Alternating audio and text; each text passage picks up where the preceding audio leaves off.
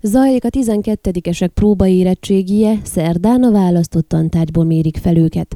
Az oktatási szaktárca közlése szerint országszerte 78 középiskolában nem tudták megszervezni a próbaérettségit a járványhelyzet indokolta korlátozások, a települések vesztegzára lehelyezése miatt.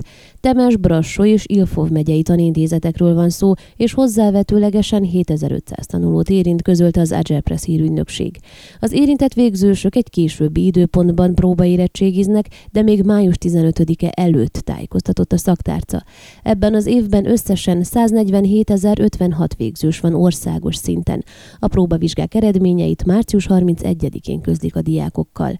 Az esélyegyenlőség biztosítása érdekében jóvá hagytak 76 speciális körülmények között zajló vizsgáztatásra irányuló kérést is az országban. A kérések között volt a jelbeszéd tolmács biztosítása, a vizsgázásra megszabott időszak meghosszabbítása és otthonvaló vizsgázás is. Hargita megyében három különleges eset volt a vizsgázó diákok között. Egy sajátos nevelés nevelésű igényű gyerek és egy szembetegséggel küzdő diák, akik egy órával többet írhattak egy más szakterületű tanár segítségével és felügyeletével egy külön teremben, illetve egy diszlexiás tanuló, akinek szintén egy órával meghosszabbították a vizsgaidejét. A keddi próbavizsgán Hargita megyében 1980 tanuló vett részt, hétfőn pedig 1965 diák jelent meg a próbavizsgán a 2086 beiratkozott közül, közölte a Hargita megyei főtanfelügyelő helyettes Krisztinel Grodeanu.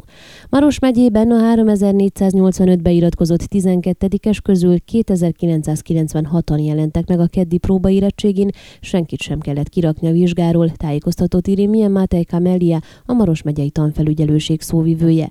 A Marosvásárhelyi Bolyai Farkas gimnáziumban 229 végzős van idén, ebből 219 próba vizsgázik a héten.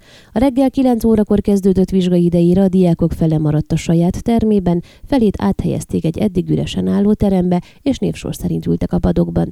Dolgozataikat az iskolában tanító tanárok javítják a módszertan szerint, tehát nem kerülnek máshová, számolt be a gimnázium igazgatója Mátéfi István.